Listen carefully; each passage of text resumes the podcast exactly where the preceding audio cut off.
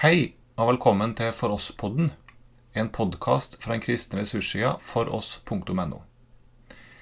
Denne episoden er opptak fra bibelkurs på Fjellheim kurs- og misjonssenter fra mars 2020.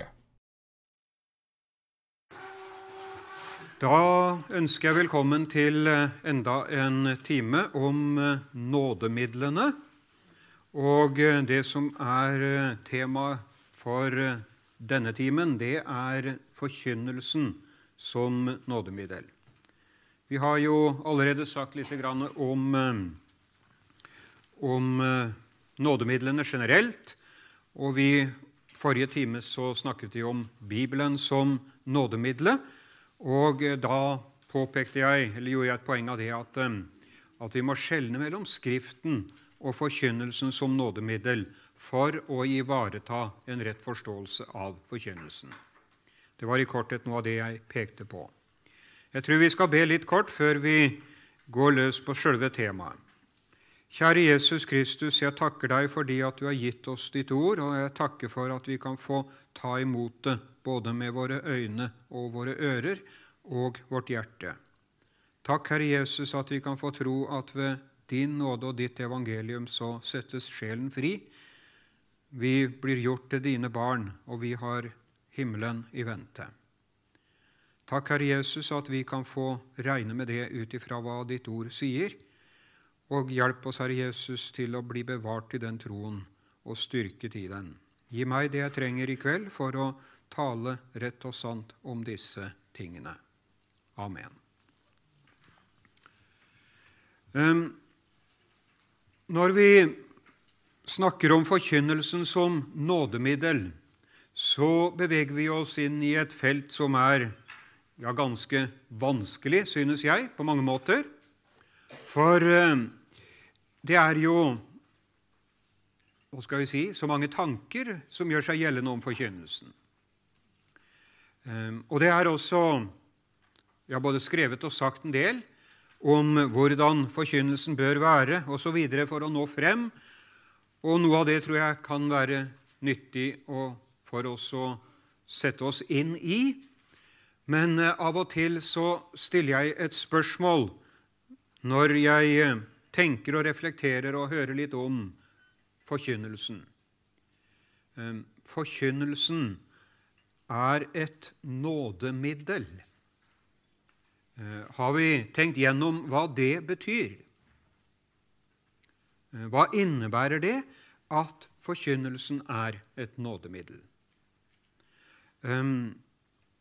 Vi har jo hva skal vi kalle det kriterier for å kunne tale om dåpen og nattverden som nådemidler. Og når det gjelder dåpen og nattverden, så, så har vi ganske klare kriterier for å kunne si at det er en riktig dåp. Og det samme gjelder nattverden. Vi har en lære om det som, som sier noe om hva som skal til for at, en, at vi kan kalle det en kristen dåp. Døpes i Faderens, Sønnens og Den hellige ånds navn, og vi mottar nattverden ved at vi også hører ordet om synsforlatelsen som er knyttet til, til selve handlingen. Men har vi noen tilsvarende kriterier for å kunne avgjøre om den forkynnelsen vi hører, er nådemiddel?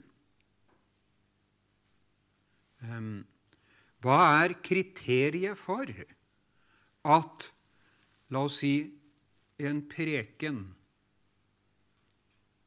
er et nådemiddel? Ikke all forkynnelse vi hører, inneholder det som skal til for at det kan kalles nettopp et nådemiddel. Og La oss bare kort repetere hva et nådemiddel er. Det er et medium som Gud bruker for å gi oss den frelsen som Jesus Kristus gjorde ferdig for oss for snart 2000 år siden. Hvordan kunne jeg vite noe om det?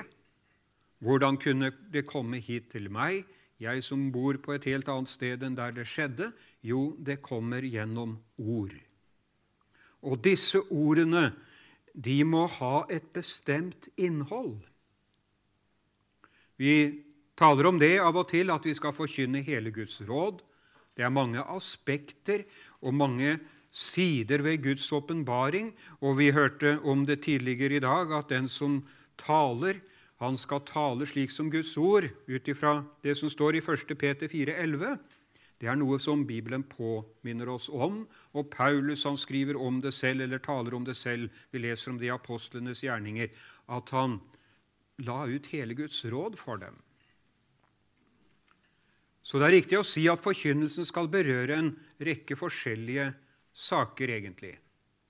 Men likevel så er det noe som det hele må henge på, og som det hele på en måte skal dreie rundt og ha som en forutsetning.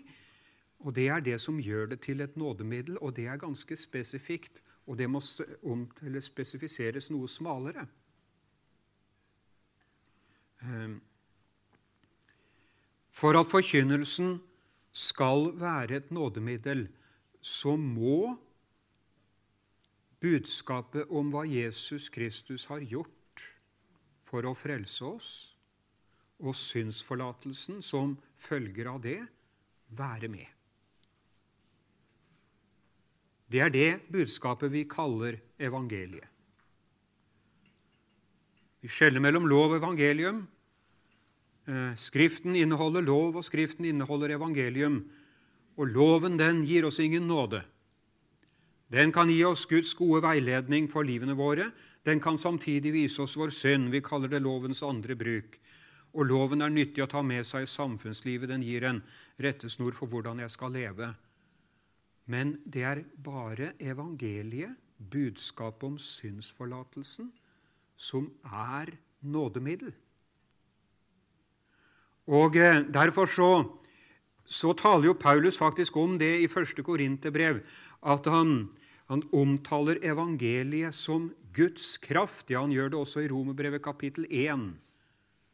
Han omtaler evangeliet som en Guds kraft, og dersom ikke evangeliet er med, ja, så blir forkynnelsen tappet for det rette innholdet.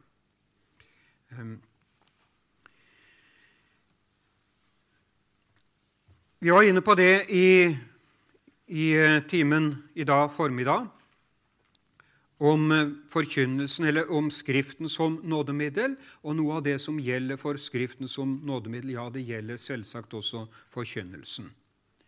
Men det som er forskjellen da mellom Skriften og forkynnelsen som nådemiddel, det er jo, som jeg også nevnte i formiddag, at jeg tar imot forkynnelsen gjennom hørselen. Jeg leser Skriften og forholder meg til Skriften som nådeviddel ved å lese den, og det står 'Salig er den som leser'. Dette har jeg skrevet for at dere skal tro, skriver apostelen Johannes i slutten av sitt evangelium osv. Skriften er gitt som et nådemiddel for våre øyne. Forkynnelsen er gitt som, en, som et nådemiddel for min hørsel. og gjennom evangeliets budskap.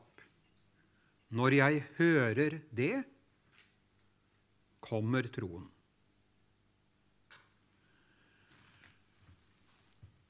Hvis vi leser Romerbrevet 10, 17, så står det sånn Det er et kjent bibelord. Troen kommer ved at jeg hører. Men så er spørsmålet hva hører jeg? Hører jeg en oppfordring til å tro, eller til å ta meg sammen slik at jeg kan få til å tro? Nei, det er i grunnen ikke det som forkynnes. Det er ikke det budskapet som skaper troen.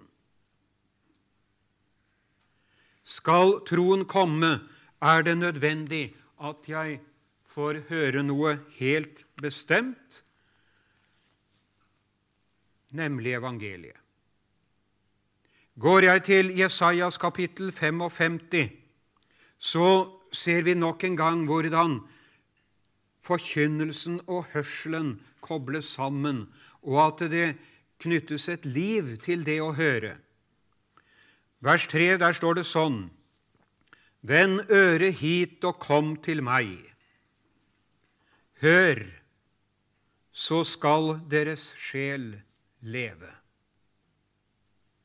Jeg får livet ved å høre. Og så spør jeg, hvordan i all verden er det mulig? Jo, det er fordi at jeg hører noe helt bestemt. Hvis jeg leser litt fra de bibelordene som kommer før det jeg nå siterte fra Jesajas 55, ja, så ser vi hva det handler om. Nå vel, alle dere som tørster, kom til vannene. Det står det i vers 1.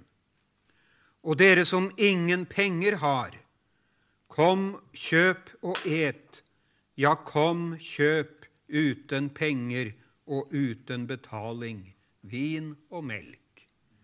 Det er jo et merkelig uttrykk. Det hadde antageligvis vært et ganske sterkt renn ned på Rema 1000 dersom det hadde kommet fram en sånn opplysning 'Kom og kjøp uten betaling'. Hvorfor ville folk satt seg i bevegelse hvis de hadde trodd det, da? Jo, det var jo nettopp fordi de trodde det. Her kan jeg komme uten å ha noe å gi tilbake. Her, handler det ikke om, her er det ikke om handelsvarer. Her er det noe som går mye dypere. Hvorfor veier dere ut penger for det som ikke er brød, og deres fortjenester for det som ikke kan mette? Hør på meg, så skal dere ete det gode, og deres sjel skal glede seg over de fete retter. Vend øret hit og kom til meg. Hør, så skal din sjel leve. Her er det altså slik at et menneske blir innbudt til eh, noe som er gjort ferdig. Noe som Gud vil gi. Det skal du få ta imot. Går vi til apostlenes gjerninger, kapittel 10, så finner vi et lignende ord. Der står det om Peter som talte for ikke-jøder, hedninger. Han taler om Jesus Kristus og det han har gjort for oss. Og så sier han, han gir alle profetene det vitnesbyrd at hver den som tror på ham, får syndenes forlatelse ved hans navn. Og mens Peter ennå talte disse ord, falt Den hellige ånd på alle dem som hørte ordet. Det tales først om syndsforlatelsen. Gud vil gi deg det. Og det er det som er selve kjernen. Det er det som er nåden. Da jeg satt og arbeidet litt med dette tidligere i dag, så leste jeg meg litt, eller arbeidet jeg litt med Det gamle testamentet for å, for å forstå litt av hvordan forkynnelsen av evangeliet skal lyde. Og eh, jeg stanset opp ved Andre Mosebok, kapittel 16, altså der hvor det fortelles om den store sonofferdagen. Jom Kippur. Tredje Mosebok er det. Der eh, fortelles det om at, eh, at det, det en gang i året så skal israelsfolket samle seg i tempelet. Da skal det føres frem to bukker. Og eh, med disse bukkene, Den ene av disse bukkene den skal ofres for folkets synder. Den slaktes på offeralteret utenfor det aller helligste, for folkenes øyne. Og Deretter så bæres den inn, og så smøres blodet utover paktskisten, der hvor alle anklageskriftene ligger, de ti bud. Og så gjelder blodet som en betaling, en soning for folkets synder. Det skjer først. Deretter så føres det frem en annen bok og mens folk er samlet i forgården og ser på alt dette her, så er det en som da kalles for ypperstepresten. Han legger sin hånd på bukken, og så bekjenner han folkets synd. Jeg ser for meg høyt og tidlig. Han bekjenner folkets synd over bukken. Synden tas bort fra folket og legges på bukken. Deretter jages den ut i ørkenen.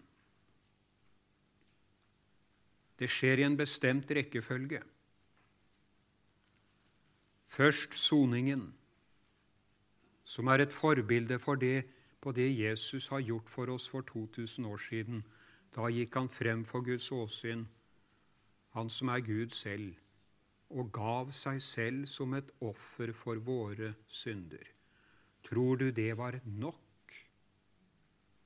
til å veie opp for det som er galt i ditt liv. Luther skriver at fordi det er Guds sønn som gjør dette, ja, så, legges det et stort og tungt lodd i vektskålen. Og mine synder som ligger i den andre vektskålen, ja, de, de går opp. Det er nok de er betalt og gjort opp for alle dine synder. Det er veldig viktig at det blir sagt i forkynnelsen. For dersom ikke det blir sagt, så forkynner vi ikke evangeliet.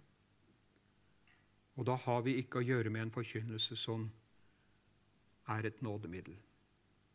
Det er en helt bestemt grunn til at dine synder kan anses for å være tilgitt.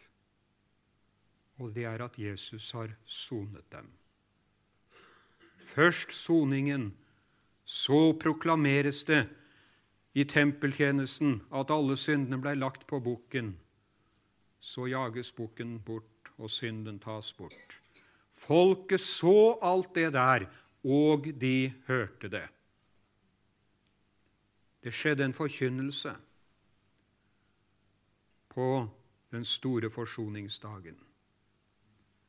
Da hørte folk hva ypperste presten sa, og de kunne tenke på sine synder som han bekjente, og på folkets synder. Alt ble lagt på bukken. Og på samme måte skal vi få tenke om Jesus Kristus. En gang så ble alle våre synder lagt på ham, både det vi kaller fortid, nåtid og fremtid. Alt har den evige og evige Gud sett, og det finnes ikke noe unntak. Så Derfor så, så sier Skriften 'kom og kjøp uten betaling'.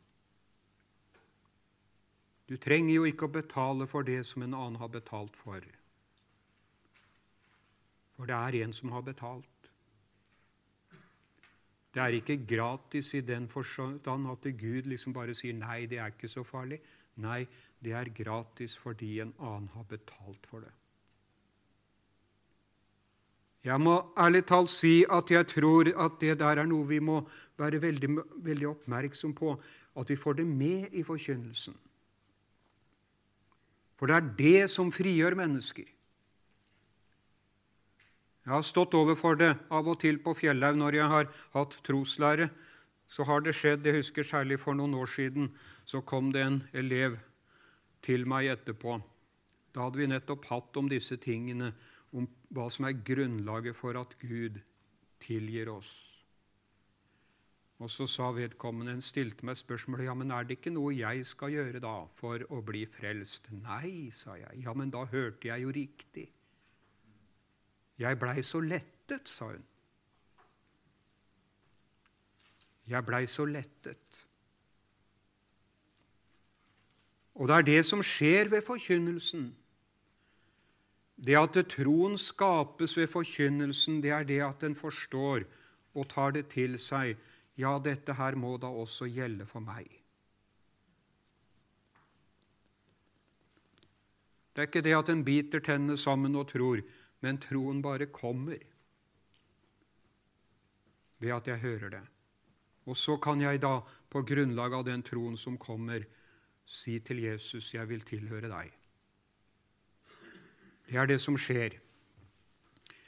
Eh,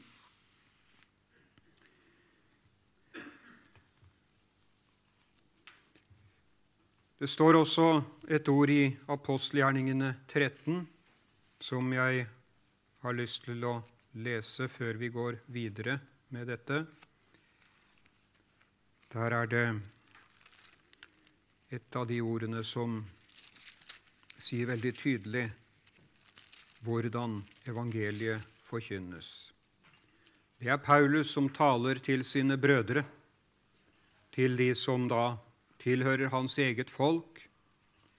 Han taler først om Jesus Kristus, hva han har gjort for oss, og så sier han, Derfor skal dere vite, brødre, at ved ham forkynnes syndenes forlatelse for dere.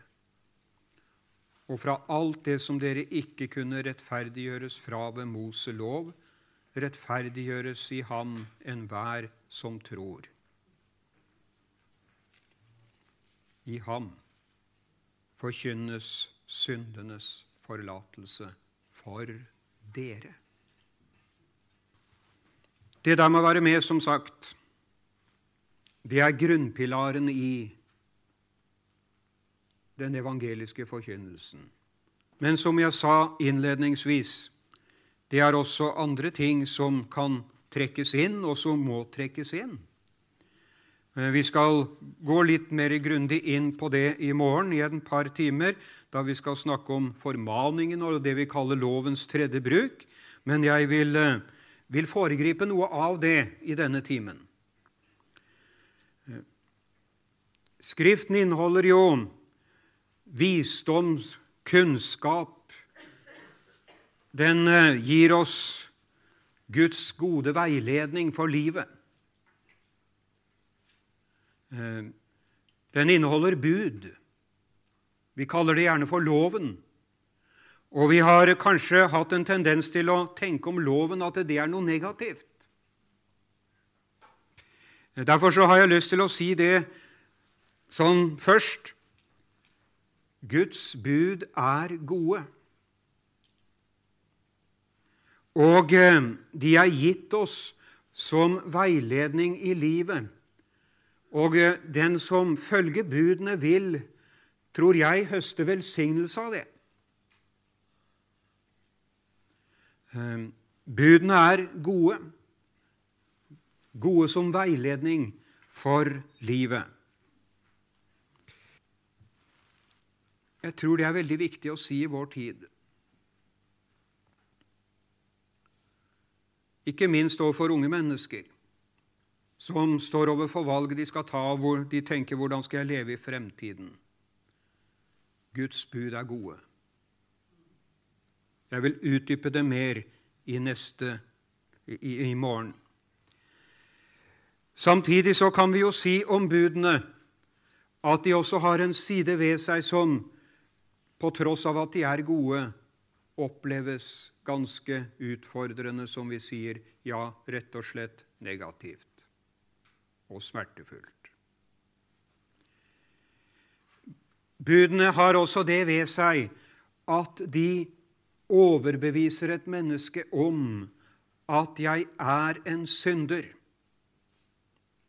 Saken er jo at det er mange mennesker som overhodet ikke syns de har bruk for det som jeg har forkynt til nå om hva Jesus har gjort for oss. Har ikke bruk for det. De syns livet er greit, og de har ja, altså Den tanke at de skulle skylde Gud noe, eller at de skulle være et problem med deres forhold til Gud, ja, den slår dem ikke. Hva skal til for at uh, det der blir annerledes? Jo, loven må forkynnes. Ikke bare som en nyttig og god veiledning, det skal den også forkynnes som, men den skal også forkynnes som et uttrykk for hva Gud krever av mennesket. Loven setter sitt lys inn over ditt og mitt liv og lærer oss å forstå at Gud ser ikke bare til det ytre, men også til vårt hjerte.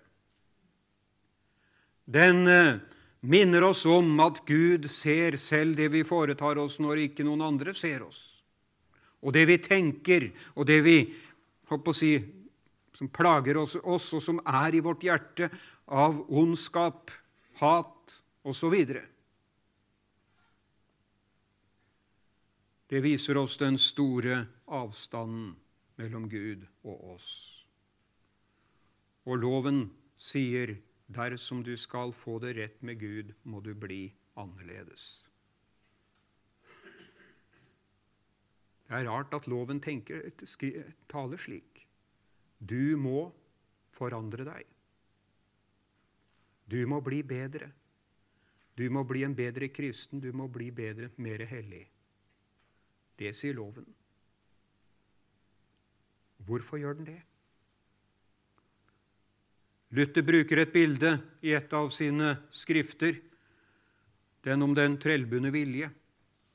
Der beskriver han hvordan loven, hvordan Gud bruker loven på et menneske, og så sier han, 'Tenk deg et menneske som sitter bundet til en stol.'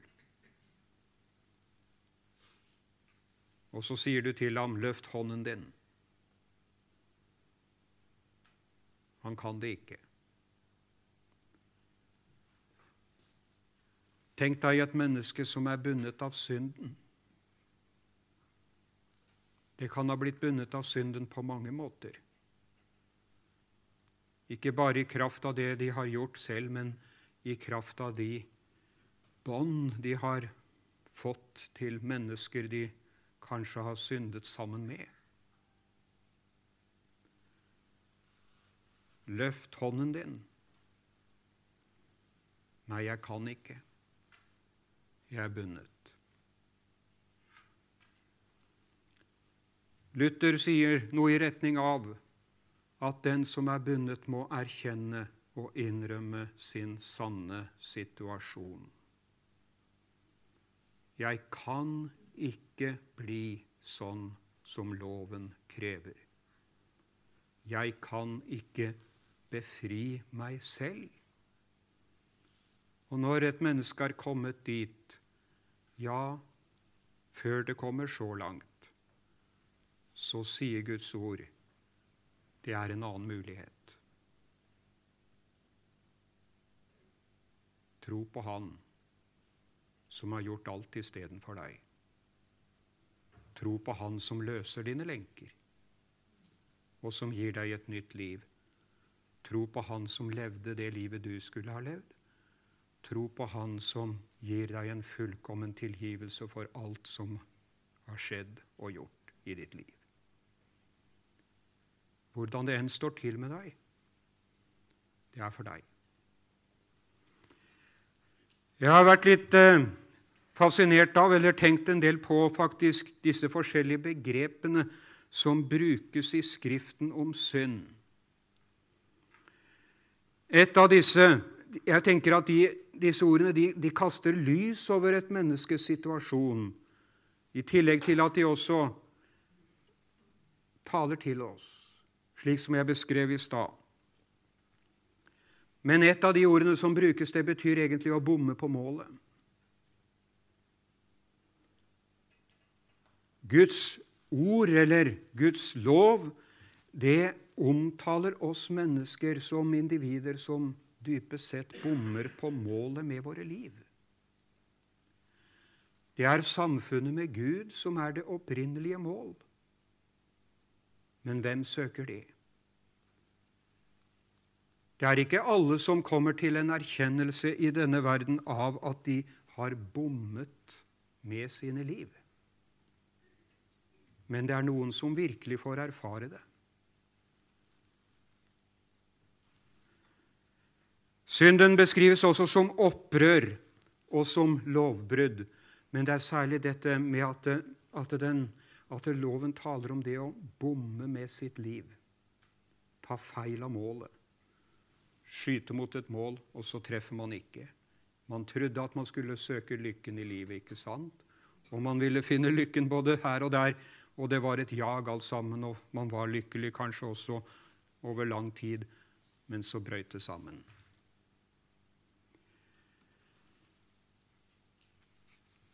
Av og til så tenker jeg at det kanskje er flere mennesker i den verden vi lever i, og i kanskje den som vi møter, at det er flere enn vi tror, som er klar over at de har bommet med sine liv.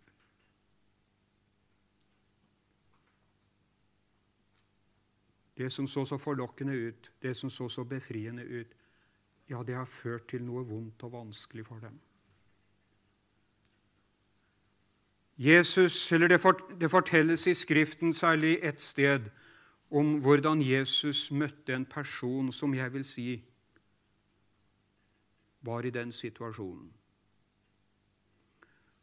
Og jeg blir veldig fascinert av å lese av hvordan Jesus møtte henne. Det var en kvinne. Han møtte henne ikke med harde ord, men med kjærlighet og godhet. Det er det vi leser om i Johannes evangeliet kapittel 4 om den samaritanske kvinnen. En kjent historie, og det er malt en rekke bilder av dette her. Jesus var på vandring fra Jerusalem og traktene i Israel, og så skulle han til Nordriket, og da måtte han gå gjennom et lite område som, der det bodde en helt, ja, et annet folk, rett og slett. Et blandingsfolk. Og det var spent forhold mellom samaritanerne og israelerne. De var ikke gode venner. Men Jesus vandret igjennom der sammen med disiplene, og så kommer han til et sted som heter Sykar. og Da er han trett, og så setter han seg ned ved brønnen utenfor, utenfor byen, og så sender han disiplene sine inn i byen for at de skal kjøpe mat. Og Jesus sitter der aleine, står det. Og mens han sitter der, ja, så kommer det en kvinne Hun kommer på et tidspunkt da det ikke var vanlig å komme og hente opp vann. Og eh, jeg husker jeg leste en utleggelse av det en gang. Han som skrev den, sa ja, det må jo være en grunn til at hun velger å komme akkurat på det tidspunktet. Det er vel dette med hun ville ikke møte folk. Hun var et, ja, en sosial outsider. Hun levde med skammen i livet sitt. Og så ser jeg henne for meg. Hun er på vei ut til brønnen, og så ser hun det sitter forsynt meg en mann der. Mon tro hvordan han vil møte meg? Hun forventet antageligvis at han ville sende henne et kaldt blikk. Han var jo til og med fra det andre folket. Det var sikkert det hun var vant med. Men så skjer det når Jesus Når hun kommer fram til Jesus, ja, så taler han til henne. Gi meg å drikke, sier han. Han spør henne om en tjeneste og viser henne en verdighet.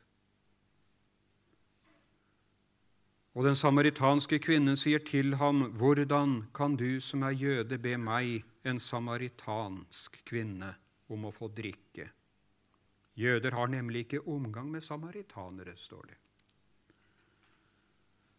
Og da svarer Jesus noe merkelig. Jesus svarte og sa til henne, Kjenner du Guds gave?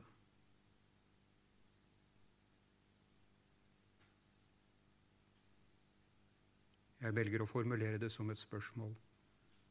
Kjenner du Guds gave? Nei.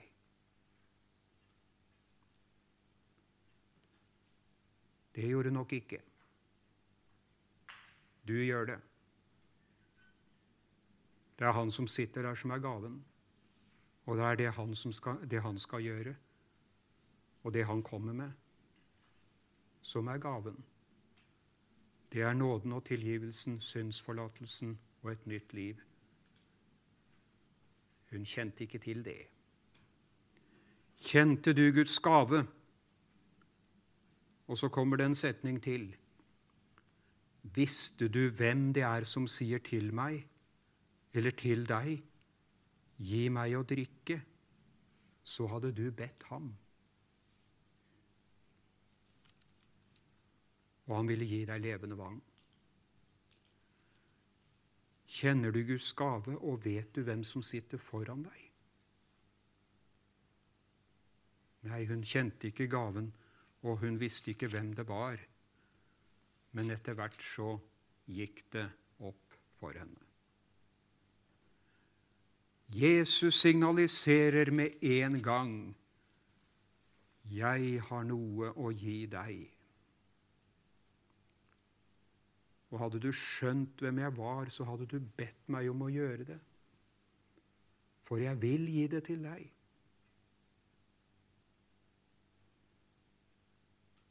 Hun var i den stilling at hun hadde behov for det.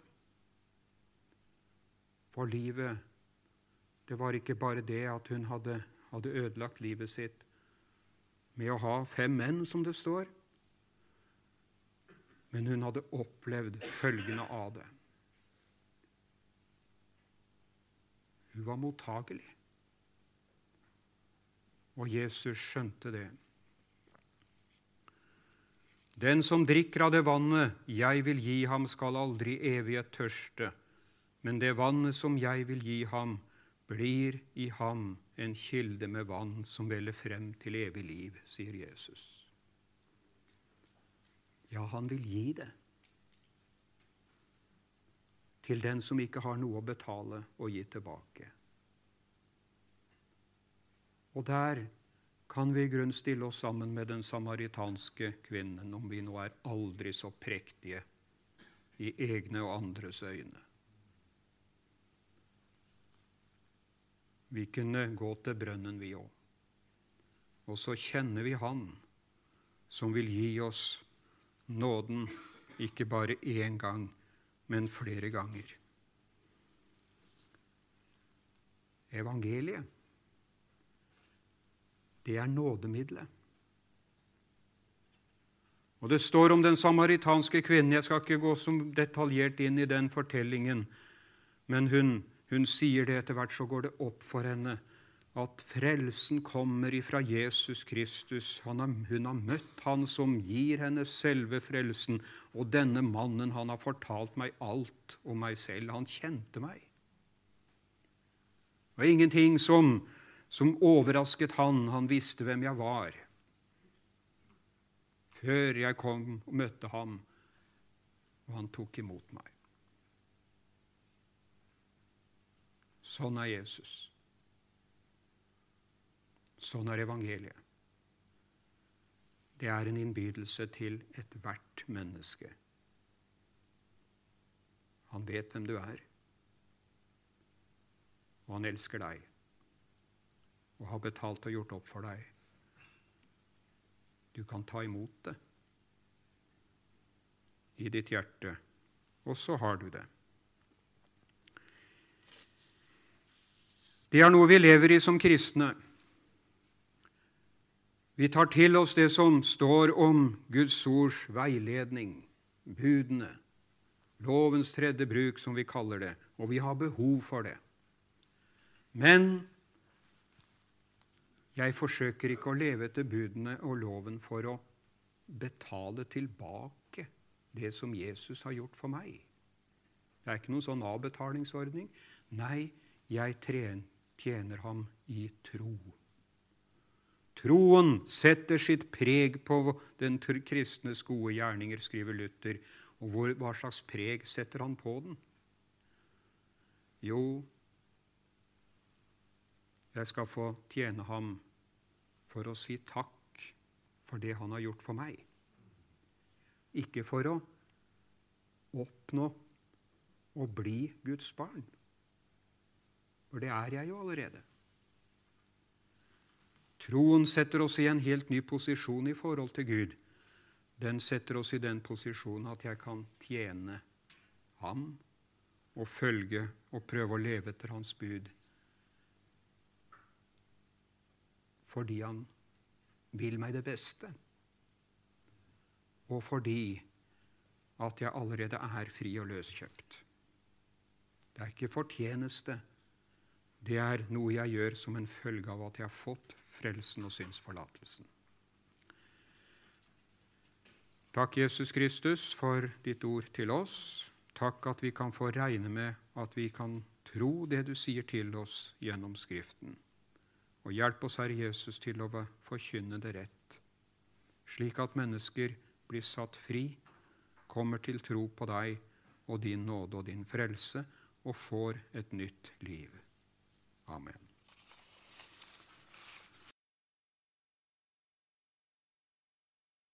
Du har nå hørt opptak fra bibelkurs fra Fjellheim kurs- og misjonssenter. Du finner mange andre opptak med undervisning på foross.no.